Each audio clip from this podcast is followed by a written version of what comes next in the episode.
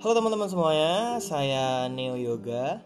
Saya adalah seorang pengajar, seorang teman belajar dan teman berbagi, seorang pembicara dan seorang MC yang akan selalu jatuh cinta kepada puisi. Kenapa puisi? Karena menurut saya dosa terbesar ketika kita patah hati adalah tidak menjadikannya sebagai sebuah puisi. Kita bisa sharing apa pun di sini. Saya ulangi lagi, apa pun dari hal paling remeh sampai hal yang paling krusial. Dari hal-hal yang sederhana sampai hal-hal yang istimewa bisa dibagi di sini bersama saya Neo Yoga. Udah segitu dulu aja ya. Thank you.